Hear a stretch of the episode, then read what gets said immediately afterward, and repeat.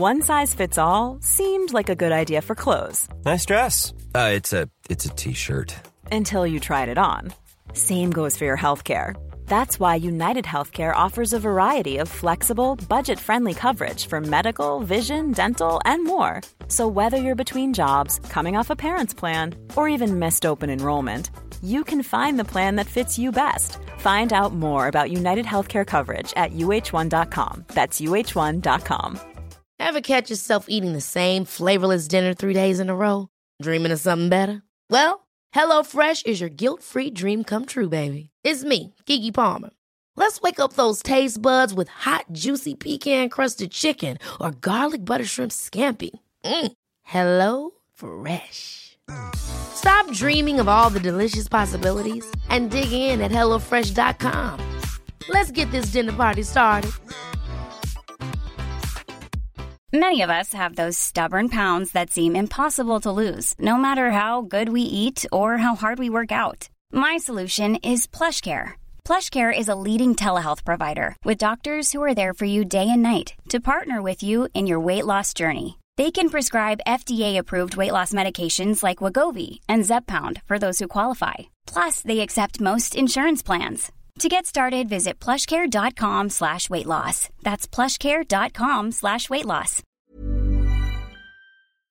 Hei, folkens. Mitt navn er Bengt Are Barstad, og for et par år siden så sa jeg opp jobben og dro på tur for å være ute i minst 1000 dager. Når man er så mye ute som det jeg er, så får man gleden av å oppleve årstidene og skifte mellom årstidene. Jeg synes det er fantastisk når vinteren går over til vår, sola begynner å varme og naturen våkner naturlig til liv igjen. På vårvinteren så bruker jeg gjerne tunnelteltet Trollheimen fra Barents Outdoor. Og det er ganske fantastisk den første gangen jeg finner en tørr barflekk og kjenner gleden av å kunne ha mose og lyng i ytterteltet i stedet for snø, faktisk. Og da passer det også fint at hele endeveggen på teltet kan åpnes, sånn at jeg kan bruke teltet som en slags gapahuk og nyte sola og våren og fuglene og ja, høre rypa skratt i blåtimen. Samtidig så er det viktig å huske på at de første bærflekkene gjerne er blant de mest vindutsagte punktene faktisk når man er i fjellet. Men da er det ekstra godt å vite at teltene fra Barents står godt også i hard vind, og at det er gode forsterkninger på Barduna bardunfester. Alt det her det kan du lese mer om på barentsoutdoor.no.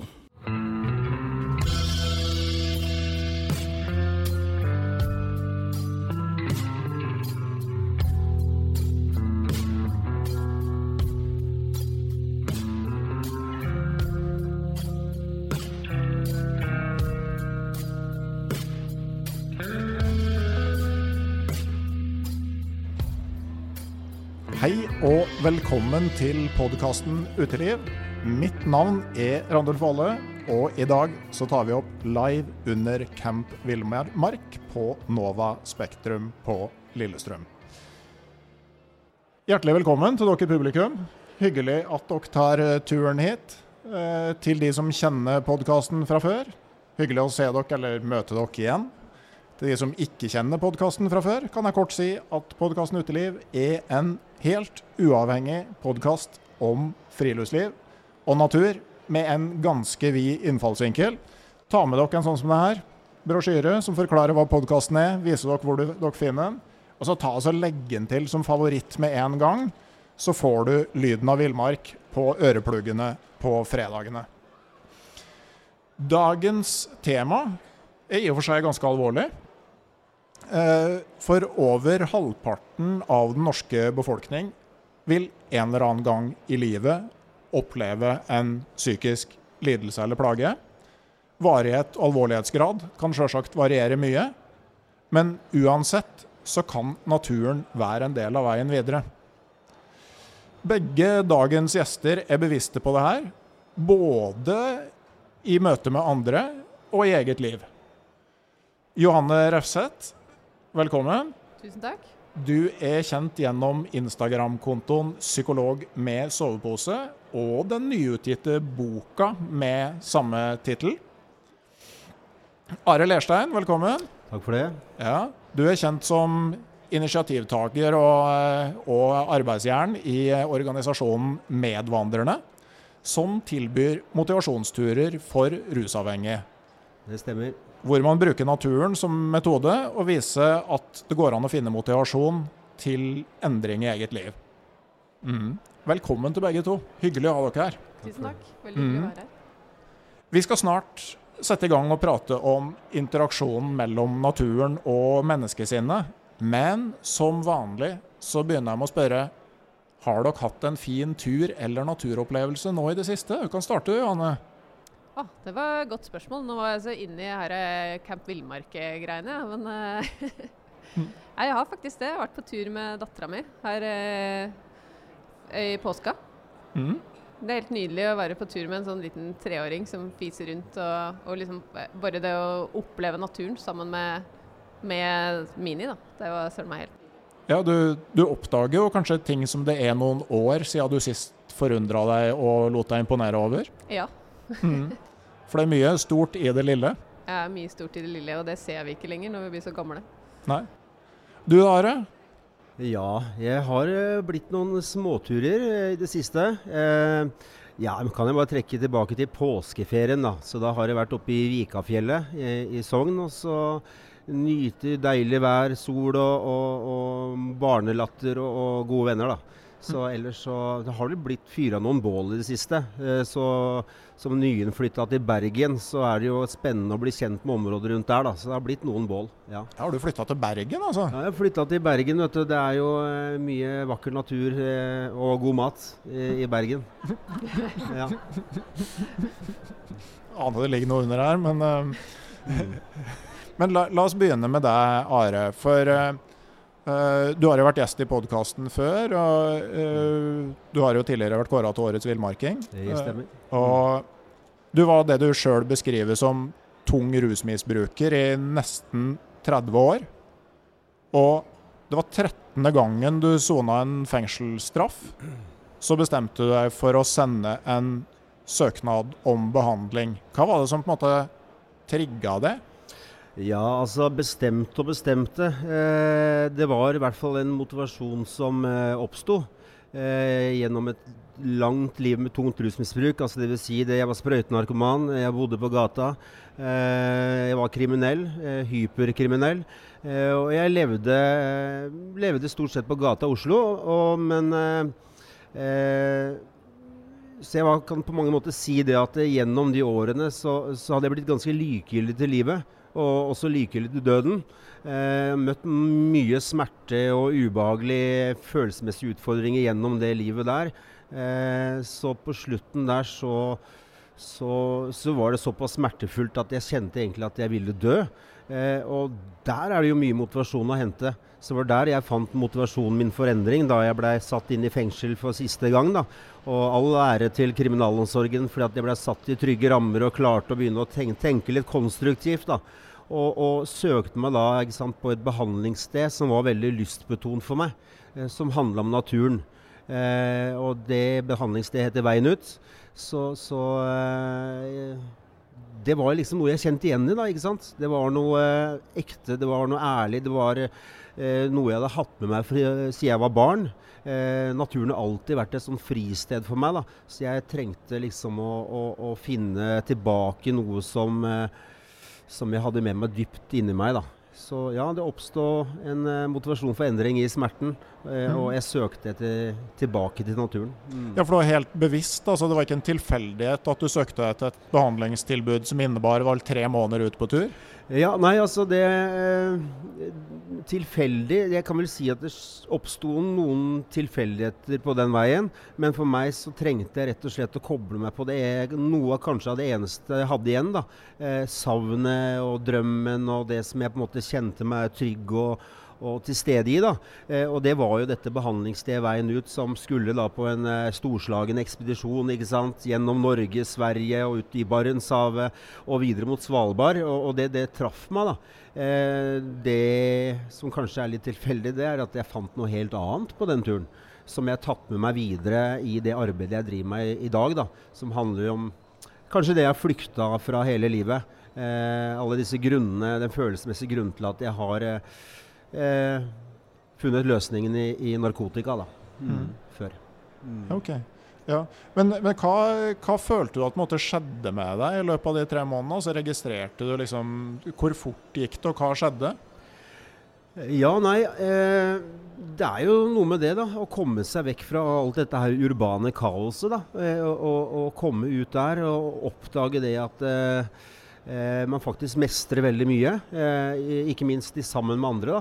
Eh, så for meg som på en måte har gått litt sånn ensom ulv rundt som tung misbruker, så, så, plutselig begynte jeg å, å bygge og styrke nye relasjoner. Og lærte veldig mye om det eh, følelsesmessige som jeg hadde prøvd å distansere meg fra. Da. At det var ikke så veldig farlig å være meg lenger. Eh, det var eh, egentlig Jeg blei litt sånn Jeg kaller det litt sånn smertejunkie.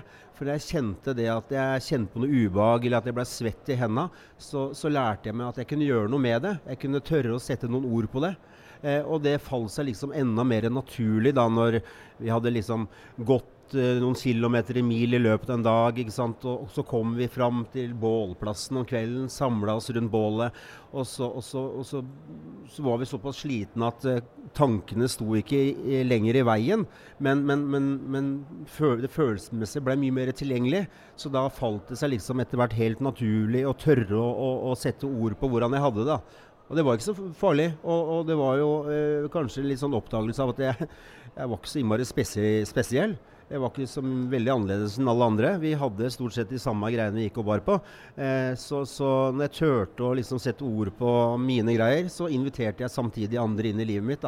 Så, så, eh, og det går ganske fort når du er ute i naturen, eh, i motsetning til å f.eks. sitte på et kontor da, hos en psykolog. Eh, så trenger det også, men, men, eh, men, ting går fort der ute. Og det var min eh, på en måte store oppdagelse da, med det å dra på tur med andre. Var det liksom det du tok med deg? For det kommer jo en hverdag. Man kan jo velge å være ute i naturen, men man må også tilbake og forholde seg til måte, det samfunnet som man var en del av tidligere. Altså var det det, den, det å kunne sette ord på egne følelser og tørre å ta i dem, liksom, som var viktig der? Ja, altså eh, jeg, jeg, tror ikke man blir rusfri av å ta seg en tur i skauen. Eh, men, men, det kan på en måte bidra til å, å eh, håndtere det følelsesmessige for å, i møte med samfunnet og alt det som oppstår av utfordringer. Da. og, og kan jo innimellom for min del altså, kan jeg selv den dag i dag ikke sant, at innimellom så er sofaen veldig god. og, og den kan være god veldig lenge. Eh, til det begynner å bli ganske smertefullt. Eh, sånn er det i hvert fall for meg. da. Hvis jeg ligger for lenge på sofaen, så kan det bli ganske ubehagelig. Eh, kan jeg begynne å lure på om ikke folk vil ha noe med meg å gjøre, og så begynner jeg å tenke masse rare tanker. Og så, og så hater jeg kanskje verden, og så liker jeg ikke mennesker. Og så, og så er jeg veldig glad for at jeg har turstøvlene mine stående ved utgangsdøra. For da, da veit jeg, jeg vet hva løsninga er, og det er å ta på meg turskoa, så komme meg ut. Og så er det å fyre med et bål og, og, bare puste med magen og kjenne meg litt i stedet. Og ikke mm, må videre hele tida. Eh, men hver gang jeg gjør det, eh, etter at jeg har hatt det litt dårlig og hatt litt dårlig syn på, på menneskeheten og samfunnet, da, så kommer jeg alltid ut igjen fra naturen, tilbake. Eh, og da er jo alle så fantastiske, ikke sant. Da har jeg fått det så mye bedre med meg sjøl. Så det er en enkel løsning som er et godt eh, verktøy, da, eh, vil jeg si. og Sånn tror jeg veldig mange kjenner det, og har fått noen erfaringer med. da. Mm. mm.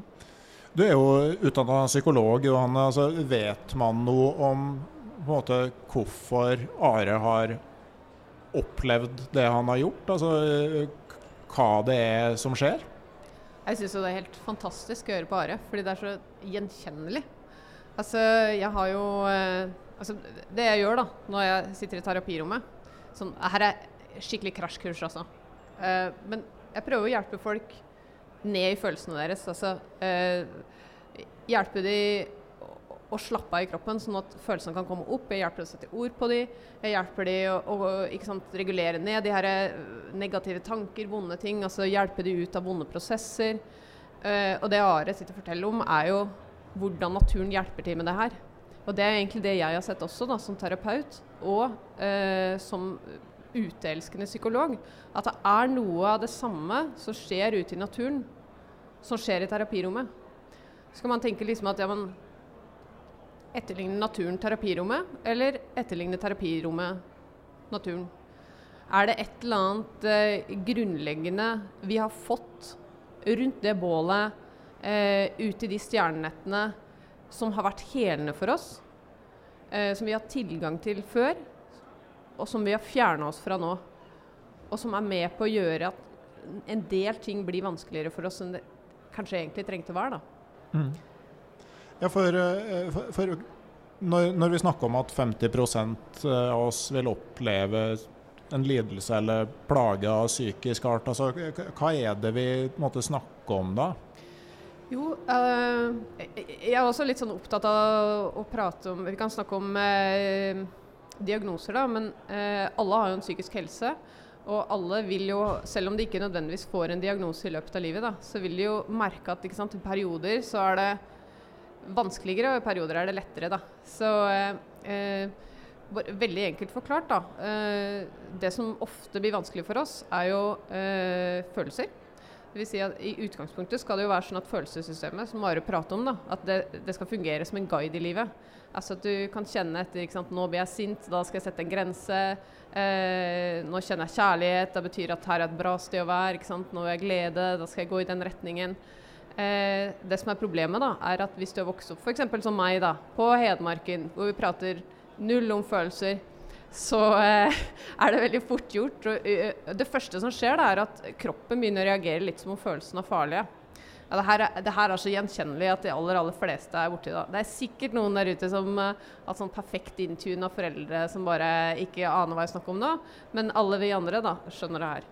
Det vil si at når følelsene kommer opp, da, så istedenfor at jeg, hedmarkingen, kjenner de, kjenner at liksom, å ja, nå ble jeg sint, så merker jeg bare at jeg blir veldig anspent. Eller at man blir urolig i kroppen, eller at man blir kvalm, eller at man blir uklar i hodet. da. Og Det er jo litt det du prater om. ikke sant? Det her med at ja, Når følelsene kommer opp, så blir det ikke tydelig og enkelt å navigere. Det er ikke et kompass du kan ta opp liksom, 'Å, jeg er sint, da, da skal jeg gjøre det'.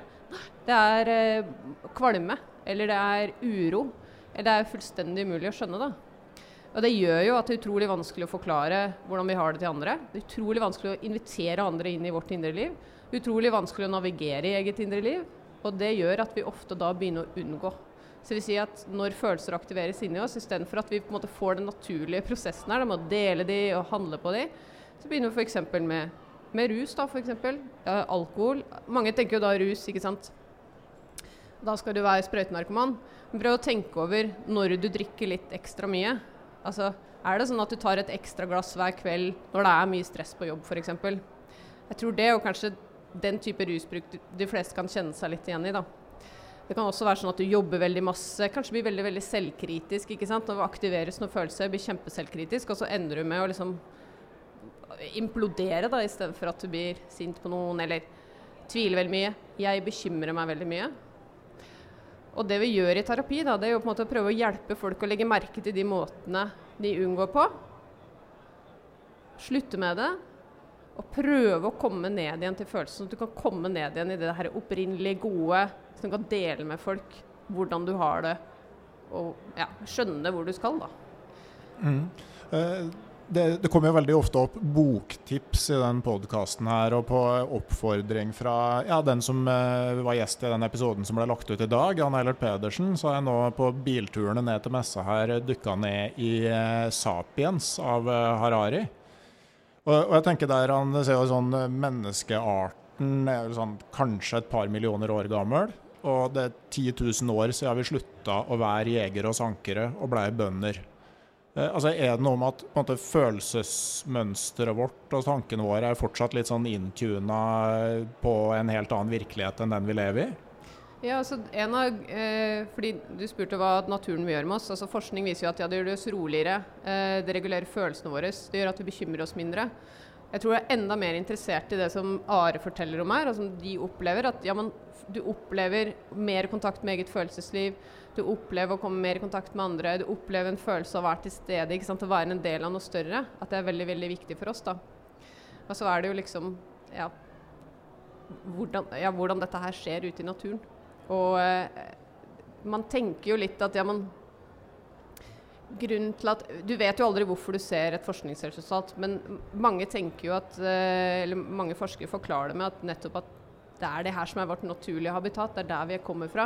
At vi har selvhe... Altså det, det, det, er der, sånn vi skal fungere. Vi er ikke vant til å bo i by. Jeg tror det bare er de siste 50 årene ja, hvor at liksom flertallet av verdens befolkning har bodd i by. Det gikk jo ja, det må bli 70-årene, egentlig. Ja, du ser jo liksom fra polarhistorien òg. Altså, det er jo masse eksempler på de der eh, folkene som fungerte knallbra på en ishavsfart, på overvintringsfangst eller på polarekspedisjoner, men som overhodet ikke håndterte dagliglivet. Ja. Er det liksom eh, tenker at det kan være liksom samme årsakene? Mm. Mm. Men, men jeg, tror jo, jeg, tror menneskeheten har gått oss litt vill, jeg, ja, da. Ikke sant? Vi snakket om at uh, vi fungerer og vi klarer å være til stede i naturen og sånn. Jeg, jeg, liker å, å, trekke det så langt at vi er jo naturen, ikke sant. Og, og, alt det som oppstår i oss er jo helt naturlig. ikke sant? Men, men vi har liksom gått mer og mer vekk fra bålet, da. Ikke sant? Fra mennesket kom hit på planeten, så har jo bålet vært uh, et sentralt samlingspunkt. Det er der vi har delt erfaringer, vi har vært kreative, vi har eh, samarbeida. Ærligheten, åpenheten. Altså Vi har vært et fellesskap, en gruppering. Og så, og så har vi styrket hverandre gjennom det som har oppstått der. da. Eh, gjennom tidene så har vi trekket oss mer vekk fra bålet, vekk fra naturen. ikke sant? Vi har gått inn i mobiltelefoner, radioer, TV-er osv. Og, og så har vi mista oss litt sjøl på veien. Eh, og, og, jeg tenker litt sånn at jeg også hadde jo mista på en måte mitt min forståelse rundt det her med det følelsesmessige. ikke sant? Jeg liker, eller bruker å si litt sånn flåsete at når jeg var tung rusmisbruker, så hadde jeg tre typer følelser, og det var sinna, sjuk og frisk. Altså, så jeg måtte lære meg på en måte å forstå følelsene mine. ikke sant? Og det, det er ikke så lett i dagens samfunn når vi går for, forbi hverandre på gata og alle har det så innmari bra. Eh, vi har jo ikke det, for vi, vi, vi, veit jo nesten ikke åssen vi har det. Så, så eh, for at jeg skulle på en måte lære å, å sette ord på ting, da, så trengte jeg rett og slett å lære det andre som turte å ta sjansen på å vise akkurat det jeg kanskje kjente på. da. Eh, fordi at eh, aleine så er jeg helt ubrukelig. Jeg trenger å, å, å styrke meg opp imot andres eh, måte å uttrykke hvordan de har det. ikke sant? Eh, og litt sånn som i dag òg, så eh, litt pga. min egen bakgrunn, så så er kanskje jeg litt mer i posisjon til å på en måte trykke på noen knapper og utfordre en som har eh, lik bakgrunn som meg selv, eh, og, og, på en måte framprovosere litt, eh, sånn at det skjer noe eh, spesielt altså i første omgang kanskje sekundære følelser. Og så kan vi jobbe med det bakenforliggende, som er alle disse grunnene til at man flykter fra noe. Mm. Jeg syns det er kjempespennende. Kan jeg chippe inn med en ting? Ja, ja, selvsagt. Jeg har jo selv eh, det er jo noe jeg ser veldig mye når jeg prater med folk. Det der med at ja, men, I det samfunnet her så har vi så fokus på det positive. Det skal være bra. Du, og hvis du ikke har det bra, så skal du tenke deg glad. Og, og, og liksom, i, det er ingenting gærent med å måte tenke positivt. altså Jeg mente ikke at du liksom skal grave deg ned, men, men, det er noe med at hallo, livet er jo Det suger jo kjemperør eh, ganske ofte. Og det er noe med liksom, den følelsesmessige responsen vi har på det blir vi litt fremmedgjort fra gjennom det her fokus på positivt hele tida. Det er som om sjølve livet, liksom, med eh, ups and downs, det er det på en måte ikke plass til. da. Nei. Og det, eh, det, du gjør i terapi, det, det er egentlig det, altså, Kanskje ikke helt overraskende, mye det samme. Må hjelpe andre folk å sette ord på det som foregår inni dem, og navigere etter å skjønne det. Men også det å dele det. Og det Jeg opplevde jo eh, Da jeg var 13, så døde broren min. Han var 22, han fikk kreft. Og eh, jeg tror det aller, aller verste som skjedde etter det, var at jeg, jeg klarte ikke å dele det.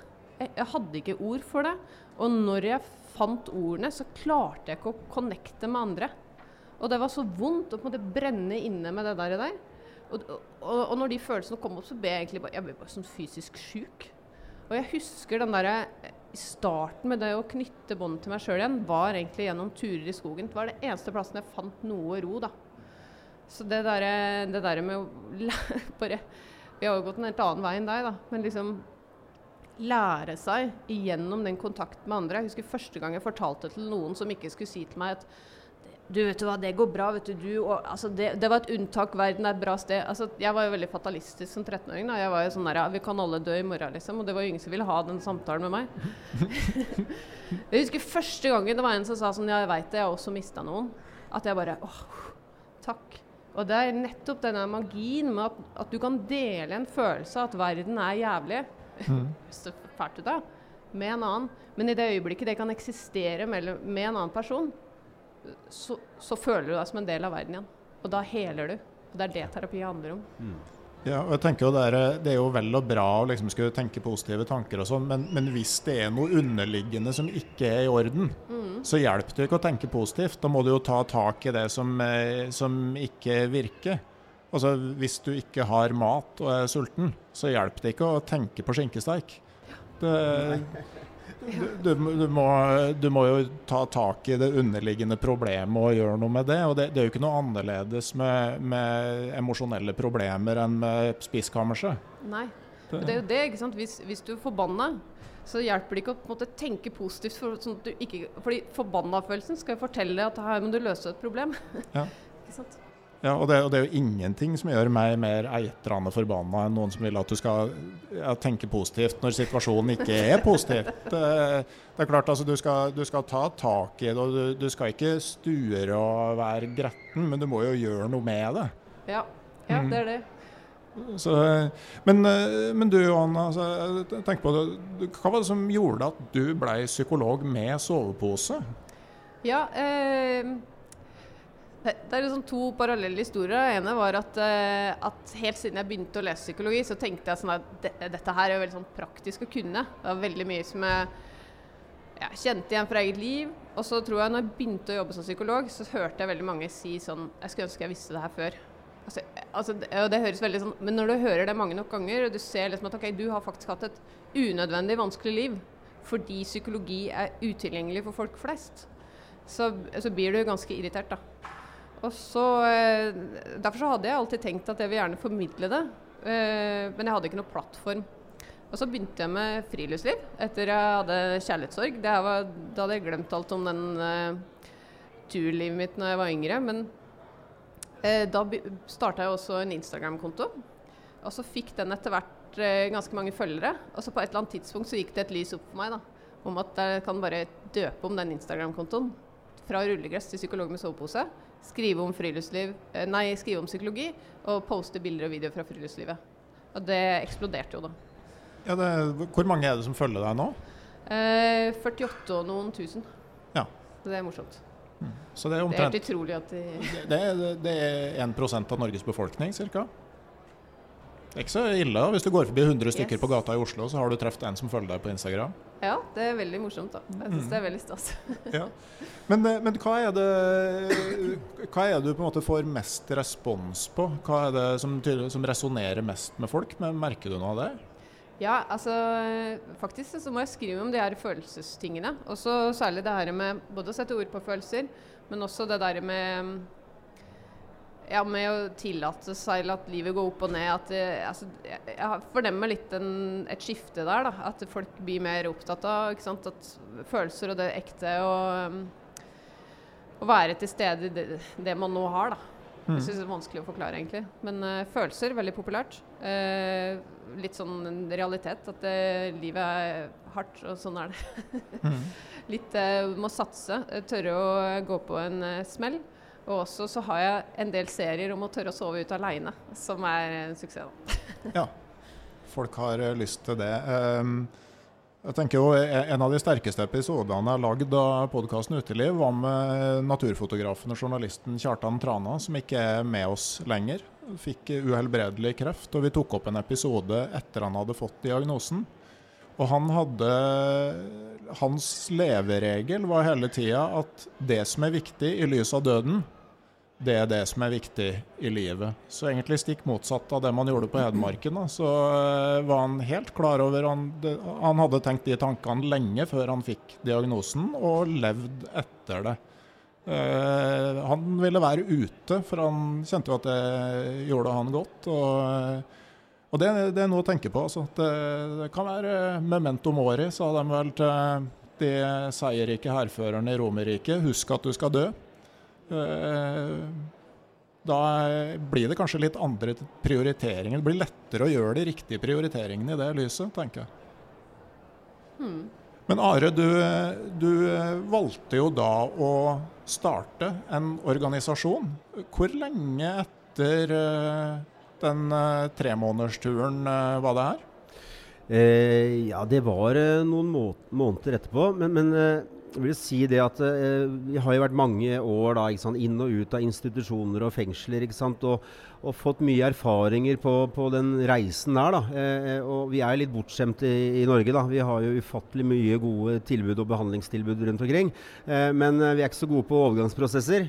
Eh, som, eh, som, det handler gjerne om. Når, man, når, man, driver og endrer sitt liv, så er det jo fint å ha litt god veiledning og, og, og, og støtte og, eh, litt veivising på hvor man kan bevege seg videre. Så jeg har fått mye dårligere erfaring på hva jeg ikke skulle gjøre. Så rett og slett når jeg var i veien ut, da, og, og, var heldig og var i en ettervernsfase der, så jeg jo, skulle jeg også samtidig i gang med mitt eget ettervern.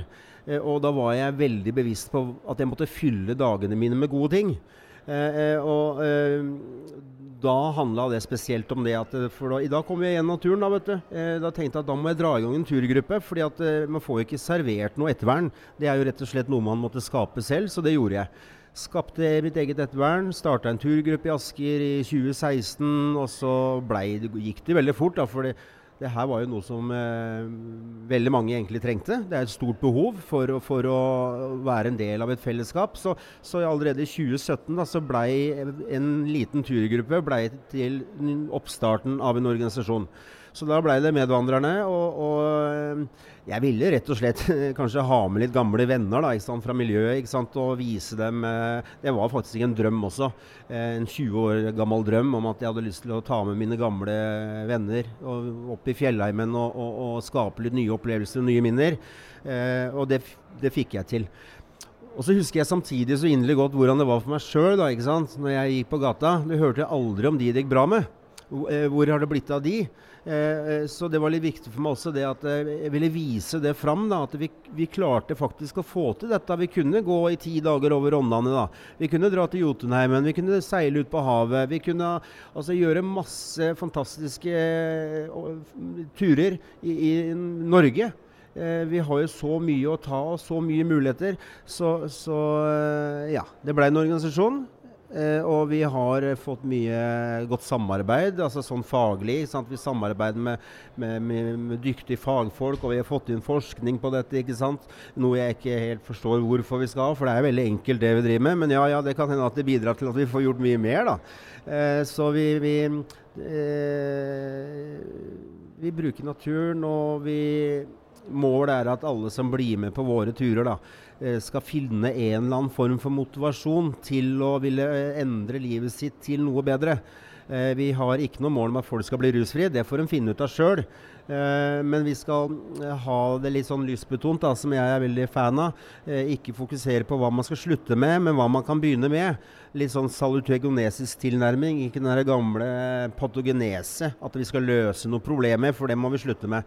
Jeg tenker at medvandrerne og det vi ønsker å motivere og inspirere andre til å begynne med, det er å tilrettelegge gode arenaer der folk kan finne ut av løsninga sjøl og bli utfordra og, og heia fram.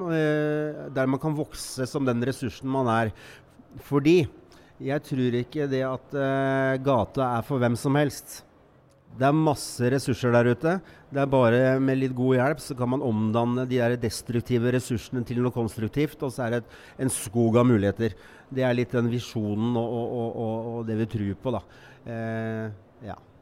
Man klarer ikke aleine. Så vi blir flere og flere. Eh, nå er vi jo nasjonale, og vi har jo masse lokallag rundt omkring i landet.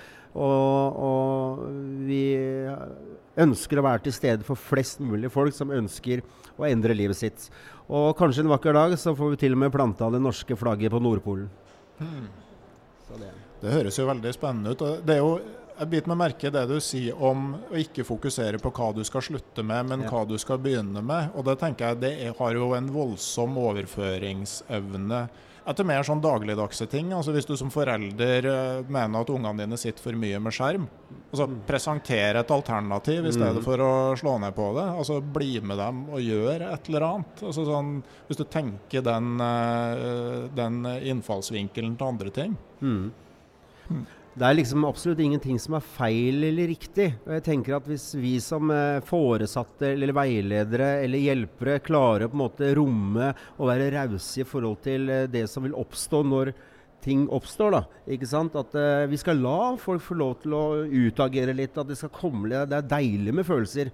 Uh, og, og, så skal vi klare å håndtere det. da. Når vi f.eks.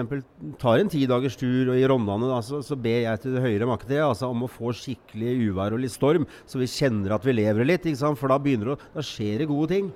Mm. Er det å, å liksom, presentere en sånn altså, naturen som tar deg som du er, at du liksom får utfordringer som i og for seg er mye mindre komplekse. Eh, ligger noe av det der? Ja, altså det er ikke noe farlig. Altså, vi, jo, vi, er jo mennesker. Vi, Hvorfor skal vi ha et samfunn som skaper eh, traumer? Altså, det er ikke noe gærent i å føle. Det er ikke noe gærent i å reagere og uttrykke ting. Altså, vi, være, vi, må lære oss å bli romsligere. Eh, og, og, og, jeg tenker at de fleste, når man opplever at noen er trist eller kjenner på sorg eller noe som er smertefullt ubehagelig, da, så skal vi hele tida å, neimen, stakkars deg. Så skal vi frata, liksom. Hvorfor, det er ikke vårt ansvar å ta ansvar for hvordan andre skal uh, håndtere sine greier. Vi må trekke oss unna og gi rom for det. Det er jo fantastisk. Det er jo uh, menneske. Det er følelser. Mm. Det faller seg helt naturlig. Det er livet. Mm. Mm. Yep. Men uh, Altså, jeg tenker jo at uh, Vi snakker jo om liksom at naturen uh, altså, det, det, er jo en enklere arena, altså mindre inntrykk. Uh, hvordan på en måte forbereder man seg på overgangen fra natur og tilbake til, til, alle de inntrykkene vi har til vanlig? Kan naturen være et fristed, eller kan den på en måte hjelpe deg til den overgangen til det virkelige liv, eller det vanlige liv? Da? Ja, altså Det er absolutt overførbart. da. Det er jo derfor vi bruker naturen på den måten vi gjør det. da. Eh, for at når du finner en eller annen motivasjon oppe i fjellheimen der, altså litt sånn flåsete sagt, da. Klarer du deg å komme opp på en fjelltopp, så klarer du jaggu komme deg til postkassa også. Altså til sammenligning, for at Utfordringen for de fleste er jo å bryte barrierer, ikke sant? og dørterskelen ikke minst. ikke sant? Og det å kjenne at du faktisk mestrer å håndtere det som oppstår. Uten at du må hele tida planlegge og, og, og, kontrollere det som kommer til å skje. Eh, så, så, så, viser det seg i hvert fall det at det er veldig overførbart det du kan håndtere inne i, i naturen. da. Eh, og, eh, og, så er det viktig å rigge for de overgangene, fordi at det blir veldig voldsomt. Altså Det blir veldig mye følelser der ute. ikke sant? Eh, så det kan plutselig, for mange, det vi ser, at det kan bli et sånt eh, tomrom når man kommer tilbake til samfunnet. Og da er det viktig å ha eh, trygghetspersoner, relasjoner og fellesskap å støtte seg til, da, så man kan fortsette de gode prosessene som er igangsatt. da. Mm. Ja. Jeg tenker jo det, altså det er utrolig spennende eh, det som blir sagt. Og jeg tenker jo at veldig mye av det man gjør i terapi, er jo å prøve å hjelpe folk å tåle indre ubehag. Forstå det, komme ned i det og hele det. Og det er jo gjennom å få satt ord på delt følelser, sånn som du beskriver ute i naturen. Dårlig vær kjempefint. Da vekkes det mer inni oss. Da får vi eksponert oss for mer. Og gjennom de prosessene der så skapes jo et rom tilbake til det som skjer inni deg. I, altså når du gjør det ute i naturen, da, så skapes jo altså den kontakten med hva som foregår på innsida, forståelsen av hva som foregår på innsida, blir bedre. Og ved å ha en bedre både toleranse for det og forståelse for det, og evne til å sette ord på det og dele med andre, og gå liksom Istedenfor at du er et liten, lite menneske som prøver å holde det dårlig nede og ha det gode utad, så blir du et helt menneske som kan kommunisere og eh, invitere andre mennesker inn i ditt liv. Når du lærer det, så er det òg lettere å ta det med inn i, i dagligdagen. ikke sant? Og ta med de naturlige aspektene som handler om å være i kjernen av deg selv og kunne være i kjernen av andre. Eh, med inn i bylivet, da. Mm. Og så tenker jeg også at Det er jo litt sånn i dag altså Vi drar på tur, øh, og så er det da kanskje å viktig å bevisstgjøre seg sjøl hvorfor man drar på tur, så det ikke blir som man gjør det for seg sjøl, og ikke for å vise andre hvor øh, fantastisk man har det. For da drar man jo fort med seg akkurat de samme problemene ut i naturen. Ja, det er noe med å øh, Altså jeg, jeg, har jo en Instagram-konto, og en av de tingene jeg gjør der, er jo på en måte å dokumentere disse her turene også, og poste det da sammen med psykologi. Eh, det kan være veldig ødeleggende for tilstedeværelsen. Jeg er jo mye på alenetur, det er jo veldig forskjellig fra at dere drar på tur sammen. Men eh, og hvis jeg ikke er obs på det altså nå, nå, har jeg drevet med det her lenge, da, så jeg har jo på en måte egne Nå skal jeg ta bilder, og resten av tida så er jeg bare meg. Nå skal jeg, på, så nå skal jeg filme sånn og sånn, og så er jeg bare meg. Men, men det der å passe på at skjermen og telefon Altså det der å passe på den, da. At den ikke tar oppmerksomheten i hodet ditt og tar det med et annet sted enn deg sjøl og naturen, det tror jeg er veldig viktig. Mm. Ja, eh, helt enig. Eh, vi, vi, vi, bruker selvfølgelig sosiale medier fordi at vi ønsker å formidle og vi ønsker å nå fram. da. Ikke sant? Så Det er jo det verktøyet vi bruker. Men, men, det vi erfarer, da, for vi drar jo på tur med gruppe, ikke sant? så vi er jo også på jakt etter den eh, tilstedeværelsen. Men det oppstår også andre ting. Og det er noe med det å, å, å, fungere som en gruppe. Det å klare å samarbeide og utfylle sine plasser og roller. da, ikke sant? Eh, og, og, og, en gruppe på tur, det blir jo som en enhet, da. ikke sant? Eh, Uh, og, uh, og, man blir kanskje mindre selvsentrert og mindre egoist og, og, på en måte tar og bidrar med, med, med, seg som en ressurs inn i et fellesskap. Da. Så vi, vi, vi, bruker jo, og jobber jo mye fokus på det. Men, men, for oss er det også viktig da, å fortelle disse historiene og betydningen av det. fordi En artig historie, da, vi har egentlig flere av dem, men eh, folk som følger oss da, Eh, vi var jo på Femundløpet, vi bruker å da, dra der hvert år. Eh, så kom det en fyr bort til meg på Tufsingdalen, på checkpointet som vi er med å drifte der oppe. da. Og han kom bort og sa det. Vet du hva, det er så fantastisk å få være med på deres reiser. Jeg har sittet hjemme hos meg sjøl, og han føler seg som en medvandrer. Han har følt han har vært med på turene, og det fikk han til å ta sjansen på å, å bryte en barriere, nemlig å komme seg ut av hjemmet sitt. Han tok kontakt med en hundekjører og blei kennelhjelp på Femundløpet. Så det er, det er, to sider her. ikke sant? Vi har en, en en effekt av det vi driver med. Og så ønsker vi å formidle historiene våre. Det er ikke bare positive historier. Vi ønsker å vise at det skjer ting, det oppstår ting, vi har utfordringer. Og det er det som skjer med oss mennesker. Eh, og så må vi selvfølgelig, og vi er veldig glad for det når vi kommer inn i områder der uten dekning. da, Så vi slipper å være for mye opptatt av det, for det kan jo bli en liten besettelse, det òg. Eh, eller en avhengighet, om du vil. Mm. Ja, for Naturen er jo et fint område å slippe unna. Altså, det er jo masse inntrykk nå for tida. Jeg var på tur i, i eh, Reinheimen i slutten av februar, overgangen til mars. Vi Vet jo hva som skjedde da? Uh, fire karer på min alder, og det var liksom, da vi var på vei ut igjen, så er det en som sier at nå nå har det faktisk gått over et døgn siden jeg tenkte på krigen i Ukraina. Det, og, eh, det er ikke noe vi skal glemme, men vi skal òg unne oss eh, vi, noen pauser fra den kverninga som mange kjenner både pga. det og pga. andre ting. Så liksom la oppfordring, la, la naturen i hvert fall innimellom være en eh, frisone. og et av de beste sitatene jeg kjenner til om eh, natur, var fra Iver Gjelstenli. Hun sa 'sett deg ned i 20 minutter'. Hvis du evner å se, så skjer det alltid noe i naturen hvis du sitter i ro på det samme stedet i 20 minutter. Mm, mm. Det tenker jeg at det kan være noe å, eh, å, ta med seg. Jeg har enda ikke opplevd at det ikke har stemt. Mm. Helt til slutt, Are. Hva er det viktigste du har lært gjennom eh, arbeidet med medvandrerne?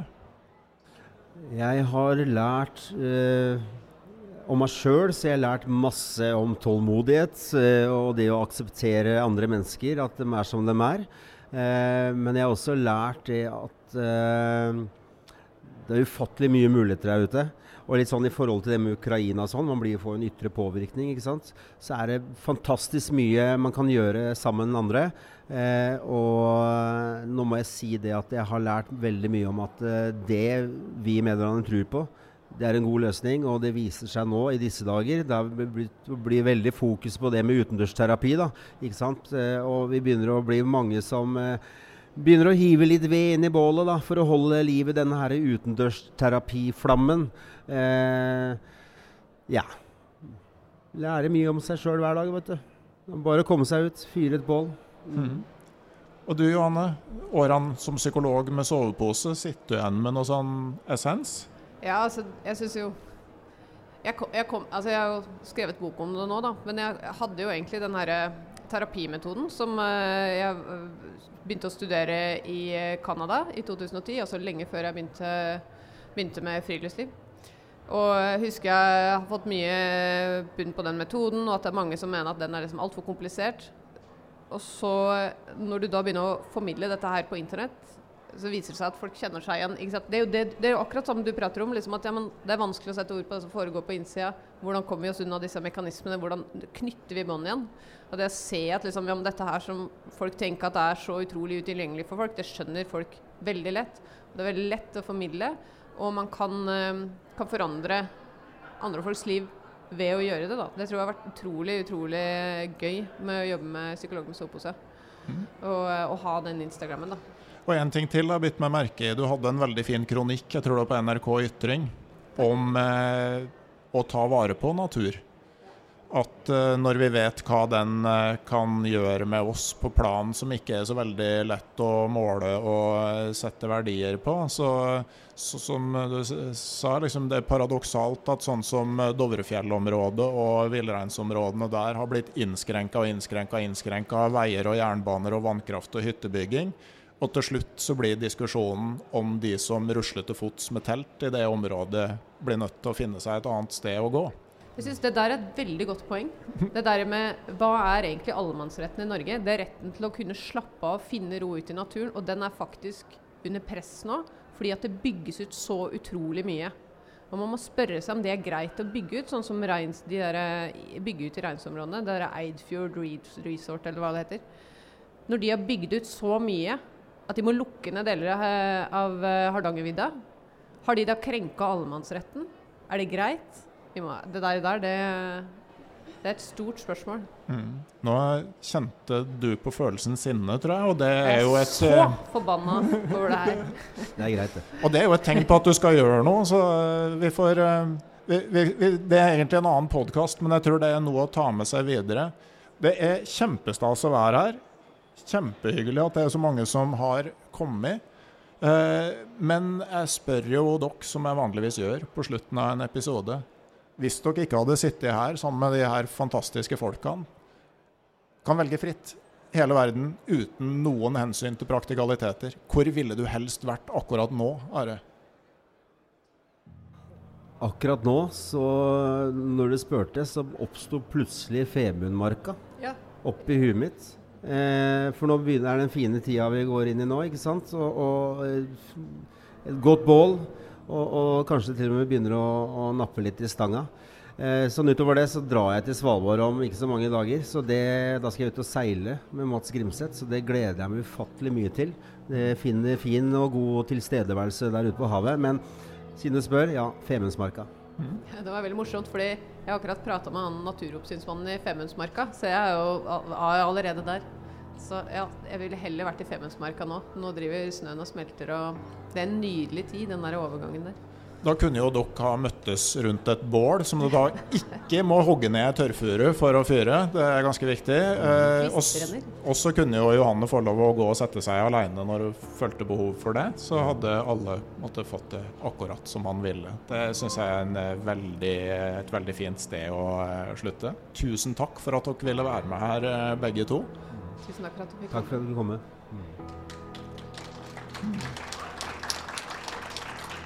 Mm.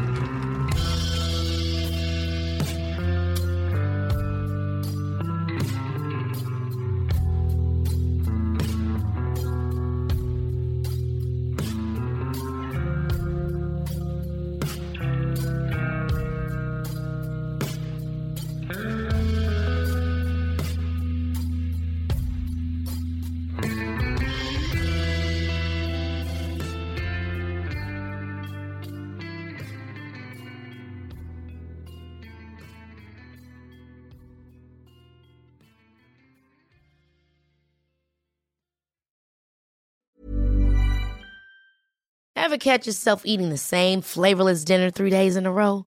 Dreaming of something better? Well, HelloFresh is your guilt free dream come true, baby. It's me, Gigi Palmer.